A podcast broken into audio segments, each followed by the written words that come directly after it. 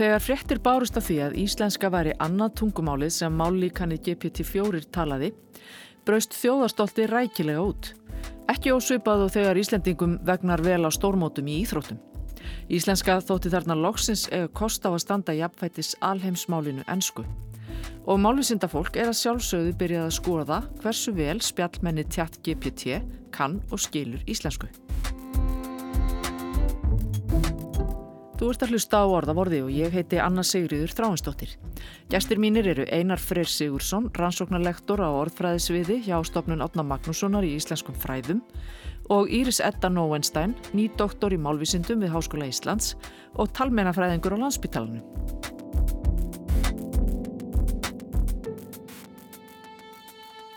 Rétt eins og flest önnur tækni er máltækni ekki með öllu laus við álítamál. Hver eru svona helstu siðferðslegu álítamáli sem tengjast gerfugrindinni? Þau eru ansi mörg og mikil. Um, við höfum svona sérstaklega fylst með umræðinni þegar kemur að þessum stóru málíkunum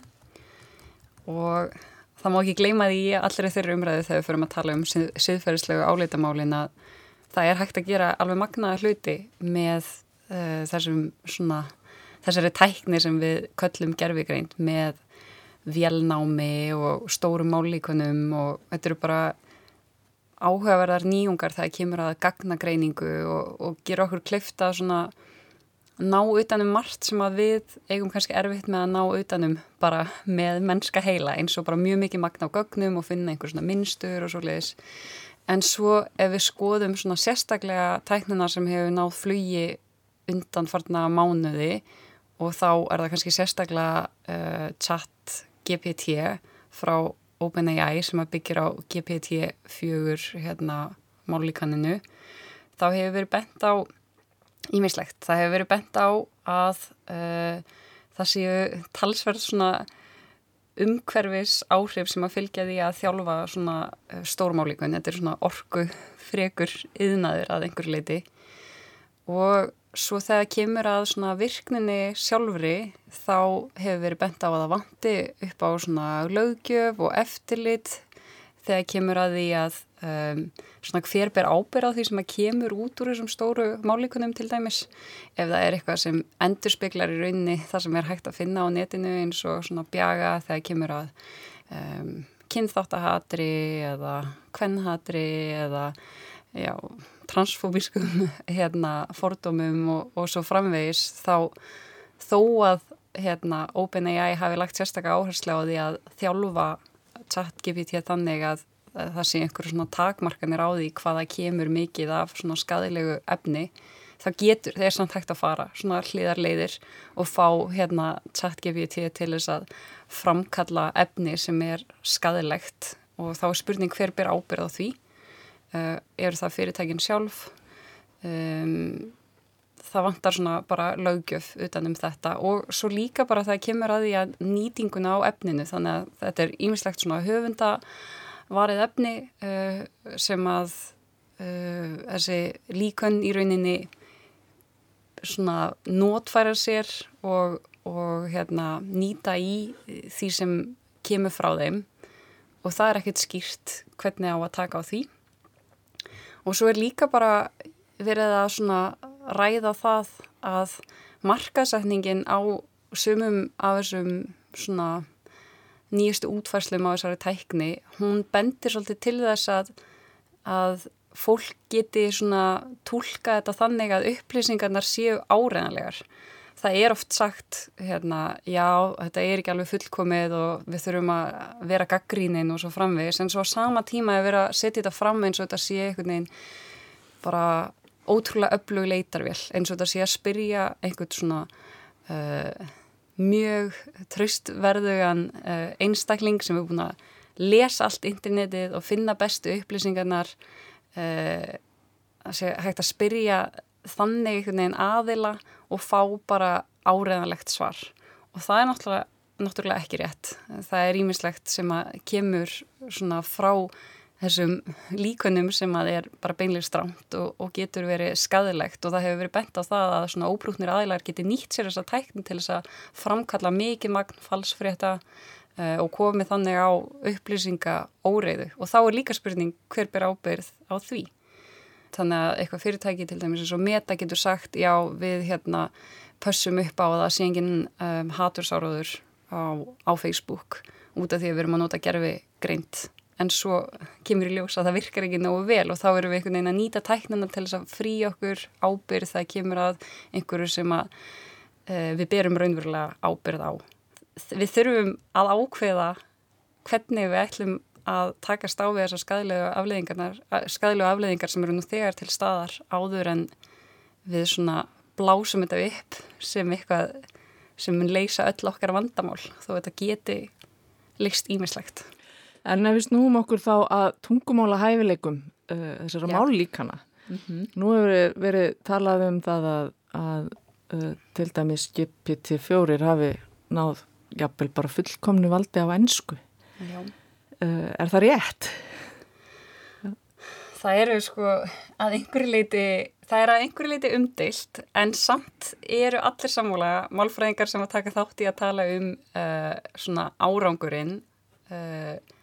sammála um að þetta nær bara ansilant og GPT-4 og þá chat GPT nær bara alveg mjög góður, góðum árangri í að svona um, greina setningar á hátt sem að lítur út fyrir að vera svona þá, svo leið sem við förum sem, sem mannfólk, það kemur að því að svona að greina mál og, hérna, og mynda það. Þannig að þar hefur verið talað um að í þessari umræðu um það hvað sko GPT-4 segir okkur um málvísindin að þetta gæti verið í rauninni svona merki um að það er ekkert bara maðurinn eða mannfólk sem sagt sem að, sem að getur náð tökum á tungumálinu. Og hins vegar er sagan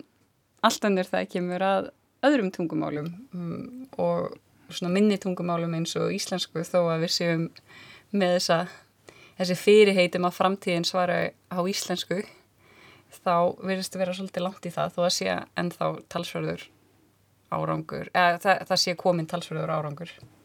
Og mér skilsta GPT-4 virkir mjög vel á spænsku, frönsku, þísku svona stærri tungumáli sem nota sko latnislitur uh, þegar kemur að til dæmis tælensku það er árangurinn vist mjög liðlegur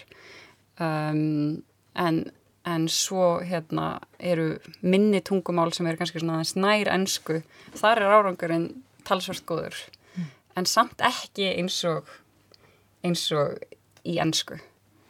Nei, mm. en núna held ég, ég held að það er nú glatt sko, íslensku þjóðarsálina tölvert þegar, þegar að íslenska var allt í enn orðin partur af einhverju svona stóri. Hvaða mm. þýðingu hefur, hefur það að íslenska sé komin inn í GPT-4 fyrir íslenska málutækni? Já, uh, sko, uh, það, það mætti kannski fara eitt skaf að minnstakosti aftur á bak og, og, og bara til dæmis í síðustu máltækni áallin og sem að lauki fyrra og þar hefur gríðarleg þekking skapast og það urðu til mörg tæki og, og tól og, og gagnasöfn ímiskonar og, og þau, þau gagn sem hefur verið sapnað þau geta nýst mjög mikið í, í uh, gervergrindina og, og ég held að það líði ekki langur tími þángar til uh, GPT til dæmis verði uh, mun færara í íslensku en það er nú, núna. Uh, og og á næstu árum þá, þá verður þetta áfram alveg óbúslega mikið kapplaup um milli í raun og veru líkana því að það, það eru mjög margir hópar að þjálfa sín eigin líkun og OpenAI og GPT-4 þetta er það besta sem stendur. En, en, en svo uh, eigum við eftir að sjá miklu miklu meira á, á næstu árum og, og, og, uh, og það að, að, uh, að árangur náist með, í, með íslensku í GPT-4 það, það segir okkur að, að þetta er vel gerlegt en, en það sem að er svona galli, mikill galli fyrir rannsóknarsamfélagi sem stendur er að OpenAI uh, er ekki, opnar ekki á það hvaða gögn eru þarna. Þannig að gögnin eru raun óþægt, við vitum ekki hversu mikið af íslenskum gögnum eru þarna á bakvið og hugsanlega eru hugsanlega eru gögnin ekkert, sérstaklega góð þannig að og það er mjög áhugavert að, að ef, ef gögnin eru, eru alls konar og, og kannski ekkert, ekkert ábúrslega mikil með að við hvað þau gætu verið þá verður uh, vantarlega mikið stökk í, í næstu útgáfu og, og þá verður uh, þá verður málfærnin mun betri og, og það, það náttúrulega er, er ótrúlega uh, merkilegt. En, en þetta það að, að gögnin séu lokuð uh, það það það, það hamlar rannsóknarsamfélaginu mjög mikið og þannig að það, sem við höfum verið að gera það, uh, við erum þá í raun og veru bara að, að áætla svona hvers konar gögn gætu leið þarna á bakvið og, og, og, og út frá því hvers vegna svarar uh, gerfurgreindin á þennan hinn hátinn sem að er, er kannski stundum eitthvað skrítið og þá, þá gæti stundum verið bara vegna þess að, að gögnin er ekki nægilega góð ennþá á bakvið. Það er eitt af því sem við vorum svolítið svona velta fyrir okkur þegar við vorum að skoða þetta er bara hvort að út af því að einhvern veginn Íslandst málsamfélag er, er smátt með að við bara ennst málsamfélag ef við svona tölum við um málsamfélag bara í mjög svona breyðum skilningi hvort að það sé þá einhvern veginn verði alltaf þannig að uh, þessi svona stóru málíkund bara ná ekki nógu góðum tökum á íslensku. En miða við svona það sem við höfum heyrt og að það gæti verið í rauninni hægt að svona bæta talsvert í það að kemur að íslensku gögnunum þá er ekkert svo órinnhæft að, að, hérna, að það verði svona svipum árangri náð þegar kemur að virkninni í íslensku og með því ennsku. En þetta er samt bara, þetta er fáralegt magna á gögnum. Við veitum uh, til dæmis út frá GPT-3 sem er fyrri útgáfa og þar voru einhverjar hvað þetta eru, 200 miljardar orða uh, eða svona, já tóka, eða svona stök orð hérna á bakvið þjálfunargögnin og við vitum að uh, til dæmis út frá Rans og Vorstad og, og Báman að, að hérna tí ára uh, manneskja hefur kannski heyrt í kringum 100 miljónir og hérna Þannig að það sem þarf í rauninni í að ná þessum svakalega árangri sem við sjáum þegar kemur allavega ennsku er bara alveg gríðalegt magn á gögnum. En það samt skilar merkilega góðum árangri þegar kemur að því að svona uh, mynda mál sem að er trúverðugt sko. og, hérna, og þetta hefur búið til svolítið skemmtilegar umræður í málvísindum sem er bara snúa svolítið um rauk sem að hérna eru núna kannski að einhverju leiti úreld um að mannlegt mál sé bara þess eðlis að það sé ekki hægt að ná tökum á því nema að hafa einhverja svona uh, einhverja svona sér mennska þekkingu í rauninni uh, sem er að einhverju leiti meðfætt en og fólk segir nei sjáu þig þú veist núna settum við bara fullt af gögnum í þessa tölvu og hún er bara sömu tökum á málinu og, og, hérna, og manneskja. En svo einhvern veginn þegar maður fyrir að velta, velta þessu meira fyrir sér og fólk hefur gert það úti, það er að pæla í því bara hvað geta þessi líkun sagt okkur um mannlegt mál. Þá, þú veist, læri ekkert barn mál til dæmis bara með því að lesa bara 200 miljardar orða, þú veist, það er hérna, við hérna lærum mál helst bara annarkvört með, með því að hlusta á mál eða, eða sjá mál ef það eru, ef það er tákmál og hérna, og við höfum alls konar takmarkanir sem að þessi stóru málíkun hafa kannski ekki þegar kemur að því hvað við getum svona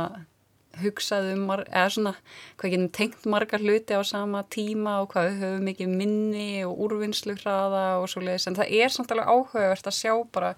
hvaða árangri er hægt að ná með svona miklu magni gagna og svona tækninni sem er á baku þessu stóru málíkun út frá málvísundum og hvaða árangri er, er ekki hægt að ná ef maður er með minna á gagnum eins og, eins og íslensku. Þannig að okkur var svolítið spennandi að bera saman sko virknina í íslensku og ennsku. Og nú gerðu þið einmitt mjög skemmtilega litla aðtugun á því hvað uh, eh, GPT-4 veit mikið um íslensku mm -hmm. og hversu vel uh, þetta líkan kann íslensku. Verður ekki til að segja mér aðeins frá því? Já, bakgrunin er uh, sá að, að núna eru mjög, mjög miklar umræður um mál gerðvegrindarinnar og hvaða þýðingu það hefur um, um hugmyndur okkar um málið sem við tölum og hvernig uh, við tölum og, og hva, hvað er að gerast í heilanum til dæmis. Og, og uh, kenningar Nóm Tjómskís hafa verið mjög áhrifamiklar allt frá bara sjötta áratug síðustu aldar en það hefur líka verið mjög umdeildar. Og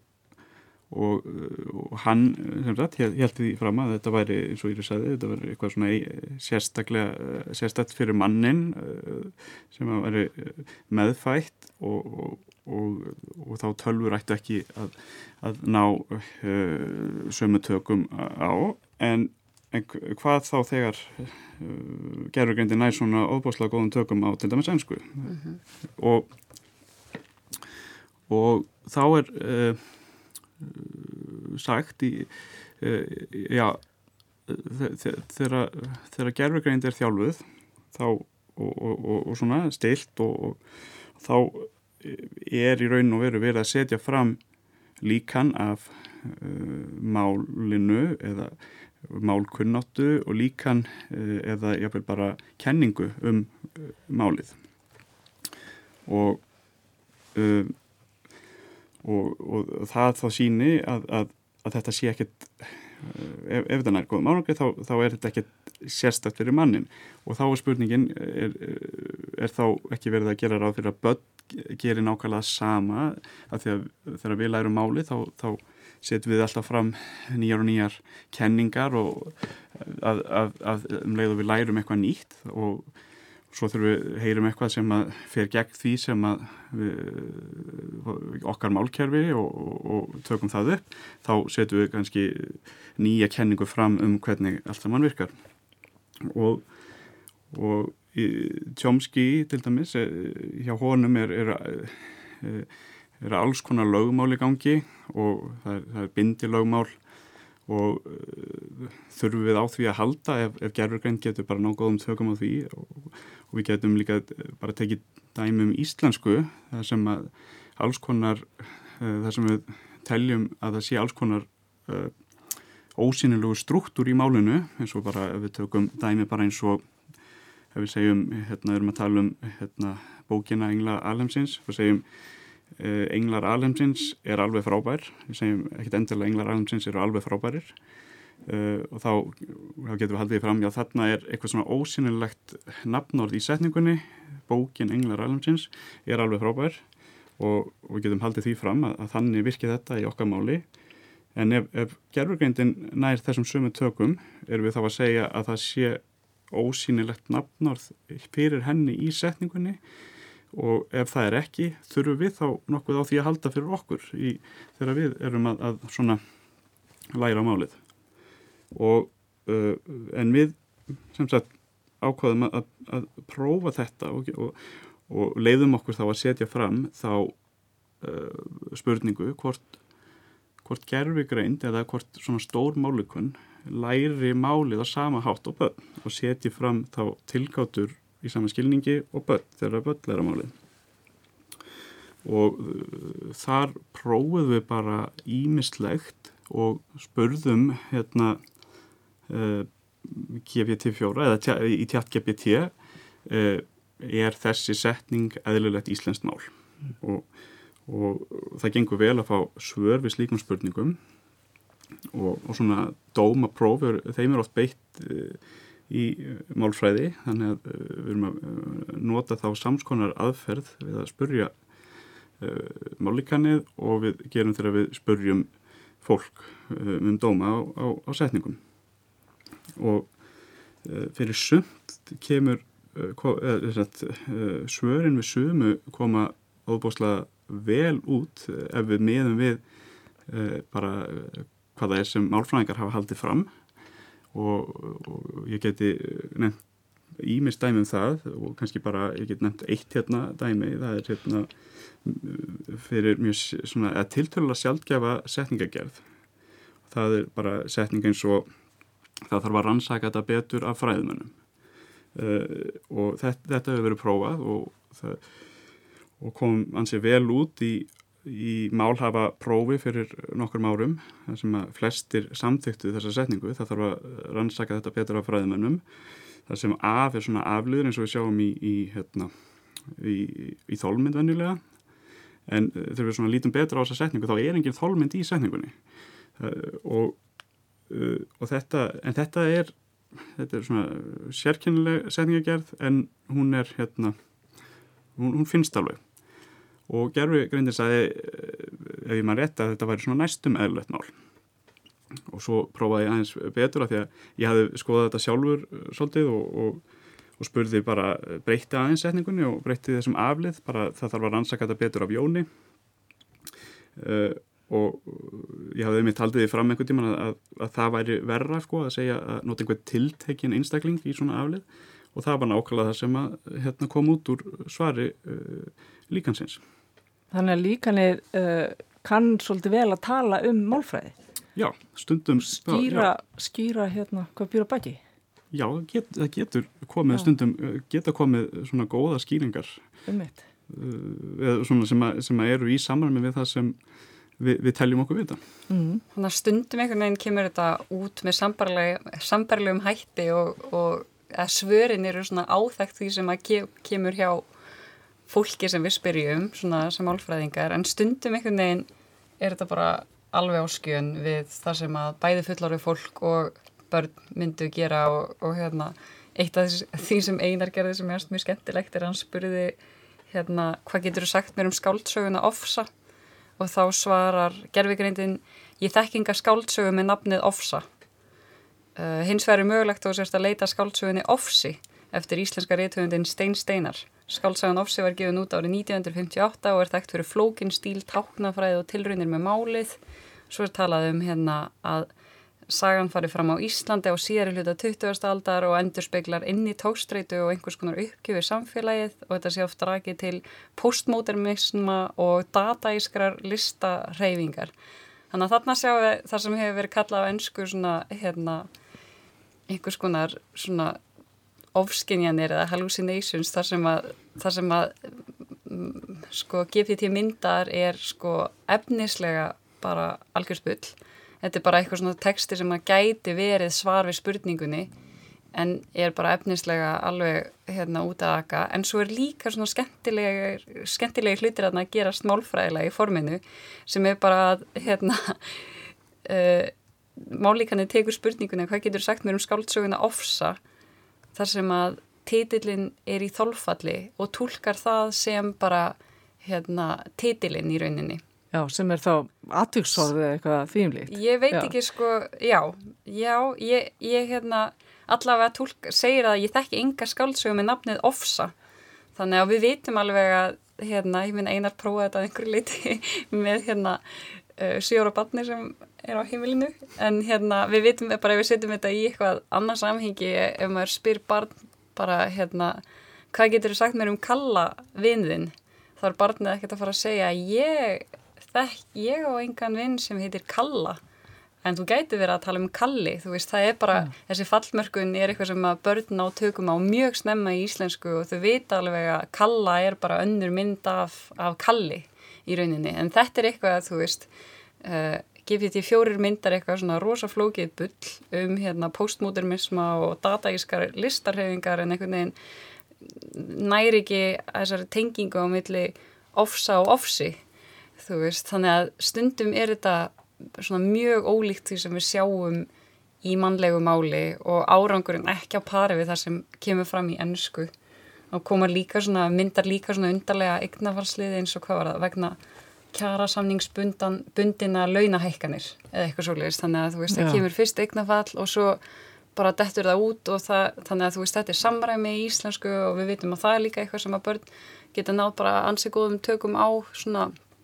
innra samræmi í rauninni innan hérna svona nafnliðar. Þannig að stundum einhvern veginn er þetta bara mjög ólíkt því sem að jafnvel börn myndu mm. hérna hafa tök á með miklu miklu sko minna af gögnum allavega þegar kemur að einhverju svona eins og fallmörkun mm. þannig að það eru alls konar svona skemmtileg dæmi sem að mm. koma út úr þessu og þú veist ég held að þetta sýnir svolítið að það er mikilvægt það er svo mikil ennsku skekkja þegar kemur að því að skoða þessi stóru málíkun allavega þegar kemur að umræðinni um þú veist hvað þetta þýðir fyrir svona málvísindakenningar í rauninni það er bara búið að leggja svo ótrúlega mikla áherslu á ennskuna og mest, langt mest að þessari tækni er einhvern veginn svona þróið í kringum ennsku eins og þessar stóru spurningar eins og hvort að þú veist gerfiðgreind þurki út svona áhrifamiklar kenningar í málvinsindum og svona svo umræða hún einhvern veginn hverfist öll uh, í kringum ennsku sko, sem er synd. Já, má ég spyrja að lókum bara hvað gerðist þegar þú spurði barnið, sjóra barn þessara sömu spurningar Já, e, e, sko, ég, ég spurði nefnilega líka uh, hérna, GPT-4 sko, hefur þú lesið ofsa? Já, einmitt. Og, og þá, hérna, fekk ég, þá var nú komin annar höfundur og, og þá sagði GPT-4, ofsa er skáldsað eftir íslenska höfundin Arnaldur Indriðarsson og, og svo kom eitthvað meira. Ég spurði svo uh, aðra stelpuna mína, uh, spurði, hefur, hefur þú lesið ofsa? Og, og eh, það var náttúrulega, já, ég vissi alveg að hún vissi ekkert hvað það væri en það sagði hún, hvað er það? Og ég vildi ekki gefa neitt ómikið þannig ég sagði, uh, hvað, hvað er hvað? Hvað er þessu ofsi? Þannig að það, þá kom hérna það, eins og Íris var að segja sko, þá, þá, þá kemur þetta svo sjálfkráð upp sko, að breyta, breyta þessu sko, í, að, að tólka þetta sem, sem aukafall hérna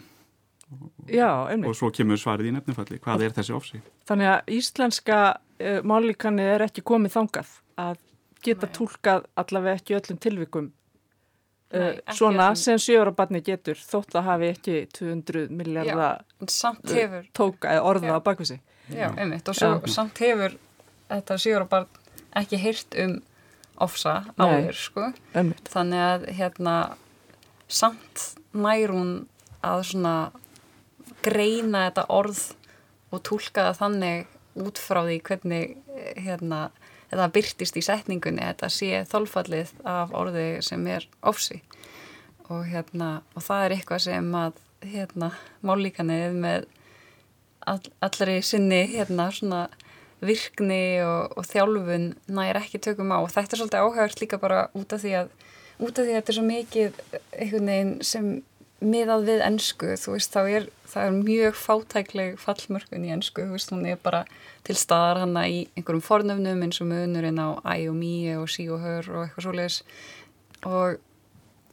tungumál eins og íslenska sem eru bara með veist, það er svo ríkuleg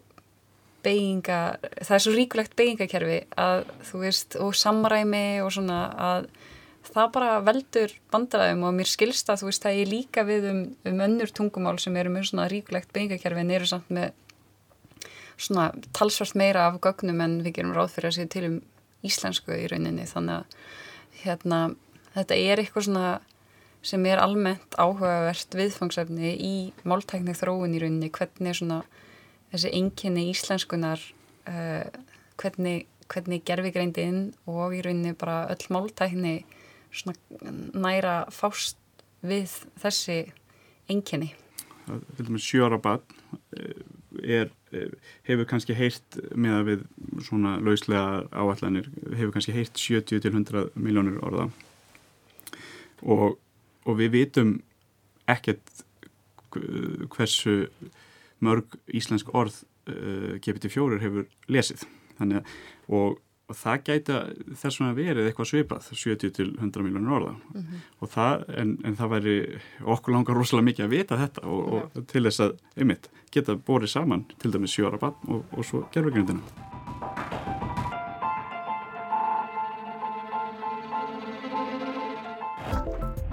Þetta var orðavorði. Viðmælendur í þættinum voru Einar Freyr Sigursson og Íris Edda Nóvenstein.